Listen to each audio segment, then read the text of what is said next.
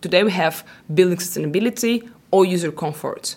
And for me, it's a, goal to try to find the middle layer which can balance between these two according to who you are.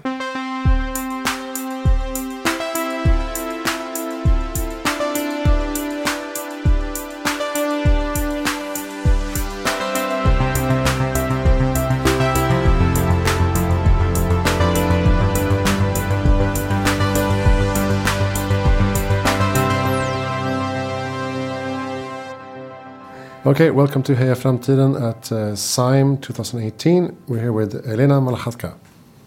Yes. Is that a good pronunciation? Amazing. Wow. You're from Russia originally? Yeah, Siberia. Siberia. Mm. I live in Siberia in, in Stockholm. it's close to it. Actually, the same parallel, 60s parallel with Stockholm, my hometown. Really? Yeah. Hmm. Nice connection.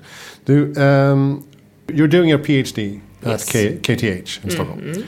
Royal Institute of Technology. Institute of Technology, exactly. Um, what brought you there from the beginning?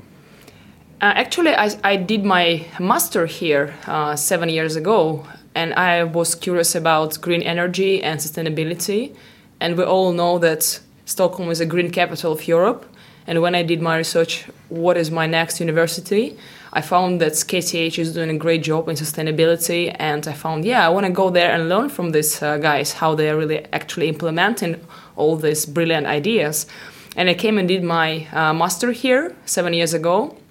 But then I moved to Los Angeles, then I moved back to Russia, to China, to Italy. I traveled around the globe. But then I found several questions I would love to go deeper and explore more. And that's why I started to find uh, the research position in the area around building excellence, building uh, innovation, but related with the user's experience. And I found amazing project which called KTH Living Lab, and that's what really hooked me, and especially because yeah, I know this university, I know professors from this uh, department, and I just jumped to this. Uh, uh, research uh, like position competition, and I was first PhD hired for KTH Living Lab, and I'm really proud to be part of this amazing project. So that's how I, that's why I'm here. Yeah. Great research, interesting uh, concept, and uh, passionate about sustainability. so, what is Living Lab?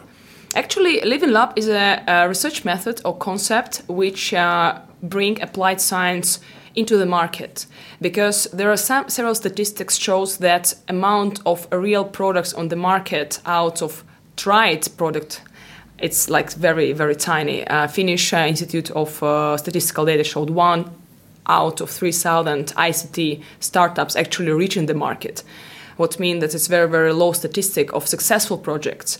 And uh, explanation is that we have big disconnection between research, science, even prototyping, and real world, which is full of uh, complexity and friction and uh, Living Lab is a concept where we test uh, products and services into the real market. We are talking not even focus groups, which kind of supposed to be real markets. No, we talk about real life, real processes with all contexts we can take, put on board. And uh, yeah, we're testing products and services in the real world. In my case, we're testing uh, solutions for, uh, the, for the clean tech for the building industry there are a lot of different types of living lab for mobility, for health, and so on. So living lab is the, the closest to the market research layer. So uh, how does it work? The, the students accept uh, full disclosure? Of course, no.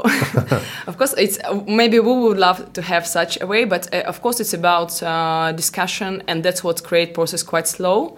Uh, depend on the research case. We have a lot of cases which are not related to end users, like where we test uh, heat pumps, uh, smart heat pumps, and different like um, like IoT related technologies. That's where we we have zero connection with the end users but from my research touch end users, and that's where we create uh, agreements between users and research researchers, where we as researchers explain the purpose of the research project, we explain the purpose of data collection, and we explain how we'll use it, in which way, and which output we expect.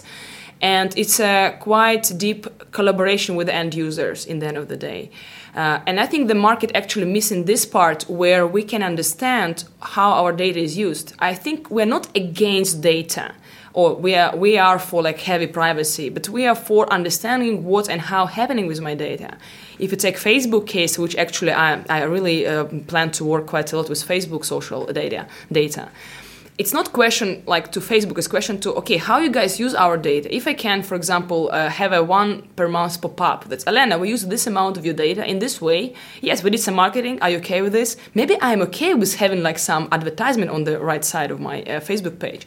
Maybe i'm not. But no one actually asked me. They have this um, of course adjustment conditions and uh, agreements but they are so on ux by design what creates more questions for them why? Because they can't do an honest conversation uh, and uh, at least provide us uh, some information how our data is used in which way and yeah it's about honesty and trust mm. so how many students are living in these uh, buildings? Yeah coming back to kth living lab we have uh, the we have three buildings. In total we have 305 apartments and 305 students but four uh, apartments are active laboratory where we have the higher density of research projects and students are agreed to be in this experimental uh, active laboratory. And the rest are more like let's call passive uh, laboratory where after the first uh, active test where we see that this for example service is successful we scale it out to 300 because we all know that statistic wise we, it's not enough to have only four uh, users to understand is it good or bad service. We need to move to bigger scale, but we cannot move with a radical innovation to bigger scale without testing with a smaller group. Okay. So uh, I mean, I, I, assume a lot of the uh, measurements would be done uh, for hard facts like uh, uh, heat and mm -hmm. air and water yeah. and stuff like that. Um, but you mentioned at the IoT seminar mm -hmm. just now, or IoT summit, that uh, you were lacking you were missing the human element in the, mm -hmm. the mm-hmm. smart home discussion. Yes. What do you mean by that? I mean, first of all, I'm missing the desire of users to be part of the process and uh, desire of building developers to place people as a part of the process. Actually, from both sides, we have passiveness. Hmm. It's not only about building developers who are ignoring users. That's one uh, part of the story. Second one, users don't want to be active involvement, uh, have active engagement to the process of changing their lifestyle.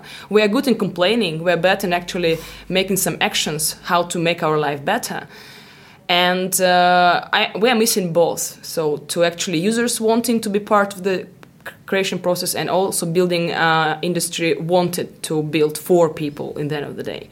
So that's one side.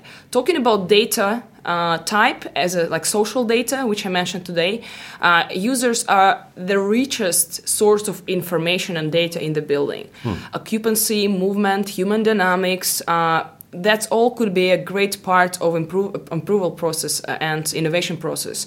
Uh, we just don't know how they feel. We don't know. Maybe it's in, it's okay air quality. Maybe not. Of course, our sensors show that it could be better. But no one complain. No one give us feedback. So that's where I, I think, and in my PhD, I try to integrate this uh, social data layer where we can actually create a feedback between end user and building system to improve his or her uh, quality of life in the building. And uh, we, I think, we are lacking such platforms where users can actually not only complain but actually interact with the system and adjust it. And uh, yeah, this is a process of both building managers and users. Some kind of co-creation. Exactly, co-creation. It's different types of co-creation. Actually, we have a very passive way, we have very active way, but we need to provide these ways for users. If you don't want to be disturbed, okay, just adjust system that you wanna be just introvert today and not be interacted with the system. But if you have free time and you really feel that air quality is not here, why shouldn't like take initiative and just anyhow interact with the system to improve your life quality actually? And could you? Um theoretically track how active they are or how much they exercise, yeah. how tired they are? Yeah, now I'm. Uh, how well they study? we have different types of questions we try to answer. Hmm. Uh, we of course start with very simple questions just to train system and build a proper data architecture.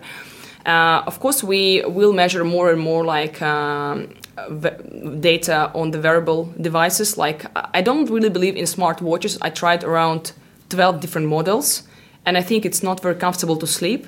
and any disconnection in the data flow creates a lot of biases. I found a very nice startup from Finland about smart ring, which actually measures the same things uh, from the body. Aura. Oura, yeah, exactly.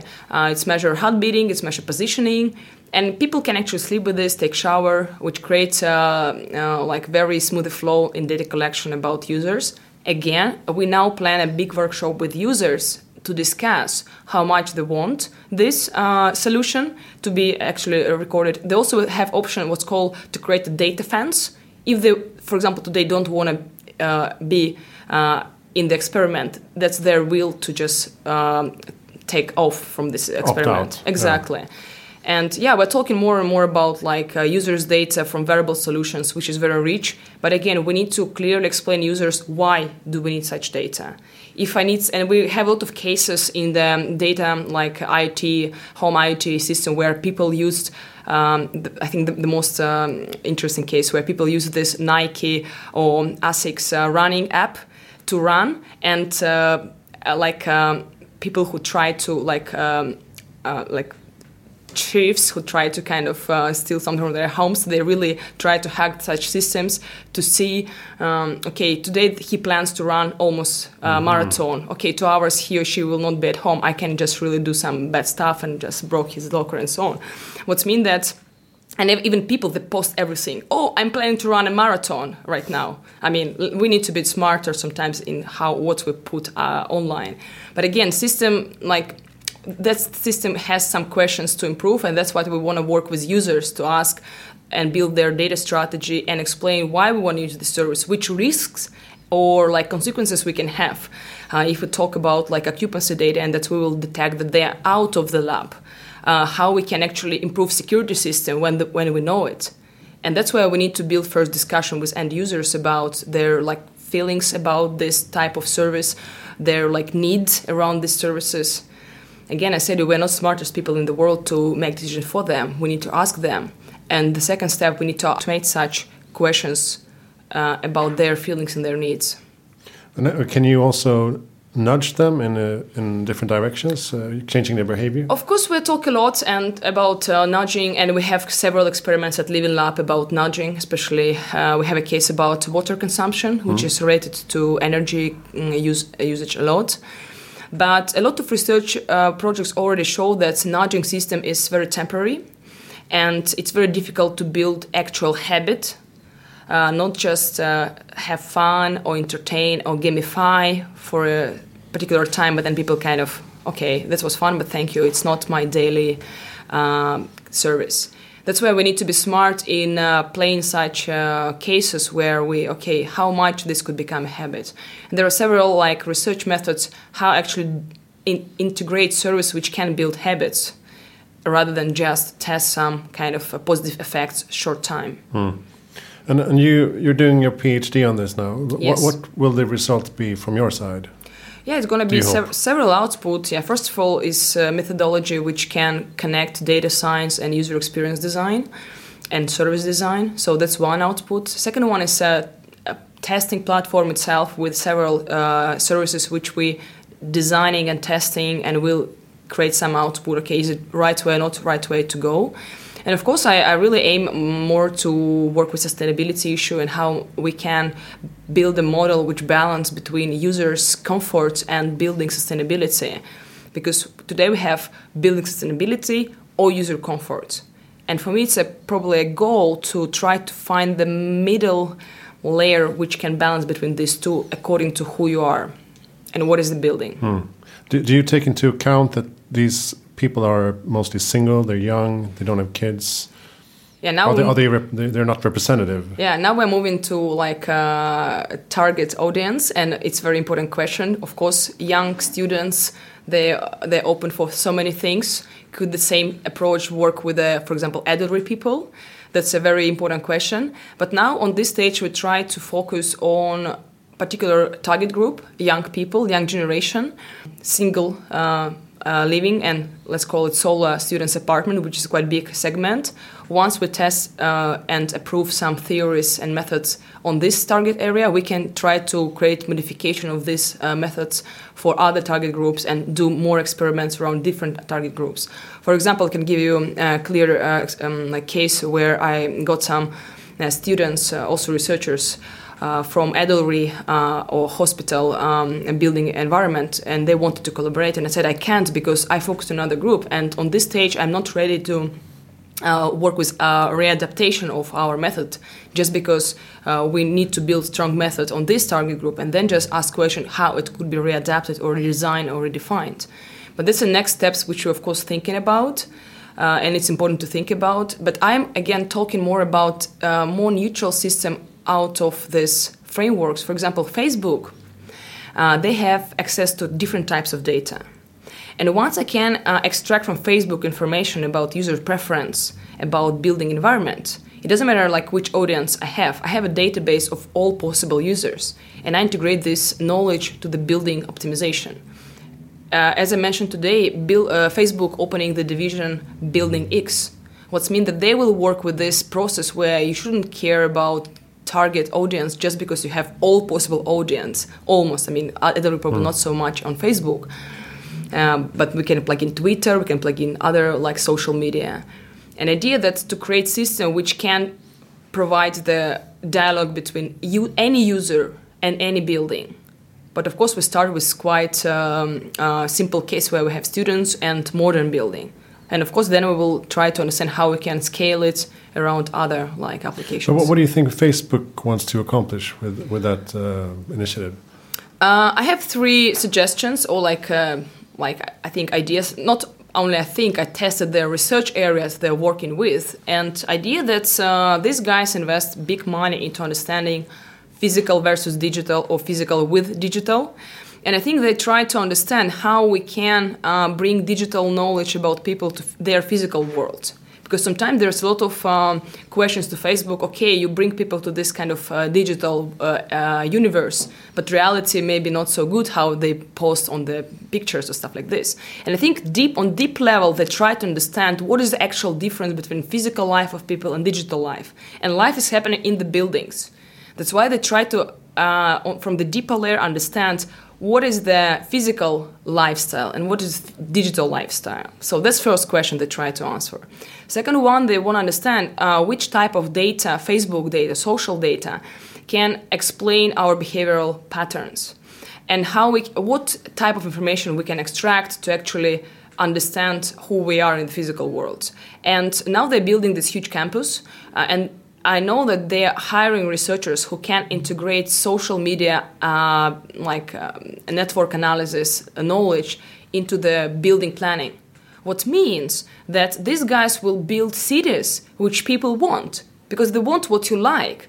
And of course, building which build according to your preferences you will definitely love it. And I think these guys pretend, at least, to start to influence on how we design and develop and build physical worlds, including buildings, cities, and so on. Ambition. And uh, are uh, construction companies and real estate companies interested in what you're doing?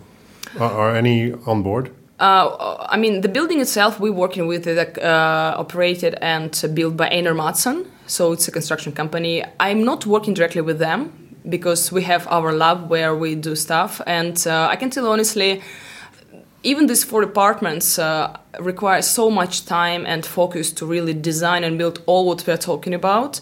What's mean that probably there are so many companies wanting to build living labs. Please do it, guys, because it's amazing uh, way to explore new horizons for innovation.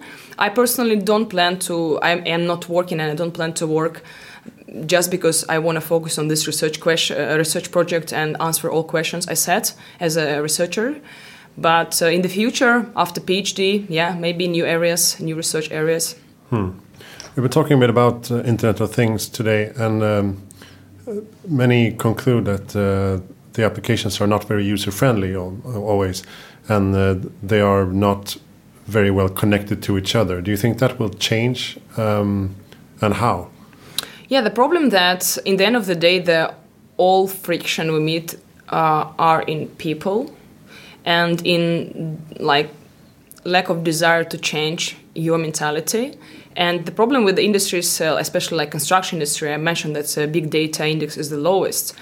Uh, just because uh, it's comfortable business, it's uh, quite profitable. It's a lack of uh, burning bridges. What make these people not be so stressed about innovation? Normally, people innovate when they have problems, not when they have everything is okay. And this industry feels quite good, and that's why they have like lack of motivation to innovate. That's why I think they don't want to change too much. Uh, but changes, as we discussed today, are needed because we need to build better environment for people and user oriented. And I think if we have more research projects around this, more like uh, facts around this, uh, more statistics, maybe we will. It could be some kind of wave of discussion about that. It's needed. Mm. But again, when we talk about uh, building uh, industry innovation, uh, a lot of things are so seamless like air quality, noise pollution. Maybe only in 10 years you will notice that you become stressed and it because it's caused by noise, noise pollution. That's where it's so much research and data should be collected to actually understand this. And a lot of uh, consequences they are very seamless what make them like not to say that oh that's not our mistake it's maybe something else hmm. I, I, hope we will have more uh, change in the future uh, because world is changing, and uh, I think this part of the world. That's why, yeah, we need to innovate more around this, and we need to innovate around people's lives. What, what kind of sustainability benefits would you expect uh, as the outcome when uh, you, when you when more companies start measuring these things? Yeah, First of all, first of all, energy consumption, for example. But we need to divide. We have four different types of sustainability. One is environmental, mm. which is the most popular, and of course, uh, we try to save more and more energy. But I like the research um, uh, survey from Denmark, where they show that it's a third which people care about uh, when we talk about efficiency, energy efficiency, just uh, like environmental issue. People care about their health. That's number one, and then kind of some costs and only then like oh yeah that's and also it's good uh, good for for planets but it's not like what we think the first and we need to understand it that in, people will not prioritize this uh, in the massive scale some individuals yeah but if you talk about the mainstream we need to i think um, we need to link these areas where we provide them with a healthy service and also sustainable service we need to kind of integrate sustainability into more individual needs. But okay, sustainability. We have environmental one where we actually need to care more about how much energy and resources we are using. Second one is uh, uh, social sustainability. How well people feel inside the building, how they emotionally uh, comfortable inside the building, and that's what a lot of companies ignore. They're okay with only environmental sustainability. Okay, I save thirty percent, done. But what if uh, 30% of your uh, residents are extremely annoyed with a cold in your apartments? Hmm. And your great saves, uh, savings in the environmental segment cause a lot of discomfort for end users. And we know such cases in Sweden where just com some companies just decrease the temperature and they thought this is a great idea, but not for users. Third one is economical. How much your building actually uh, financially sustainable. How much you are aware about some costs in 5 10 30 years. Of course it's uh, maybe gonna be big headache in 20 30 years. Maybe let's discuss and plan it now. And fourth now it's more technological. How much you pay attention to making your building even if it's renovation actually sustainably developing all these three other uh, sustainabilities. So when people ask about sustainability, we need to yeah, point which one exactly. And I believe in ecosystematic approach where we take in consideration all four. And uh, it's easy to see only one part, but I give you example that it could be hmm. not so um, successful example. So um, let's hope for a more consumer yeah. or customer centric approach. Yeah. From these companies. Yeah. Thank you so much, Elena. Uh, good luck with your PhD. Thank you. And let's hope uh, we see more of these labs in the future. Yeah, I also that, hope so. Um, the uh, construction sector is um, adopting these ideas. Yeah. Okay, thank you so much. Thank you so much. Uh, Heja Framtiden will be back next time with something different. Uh, you, we can be found at hejaframtiden.se. This is uh, from SIME 2018.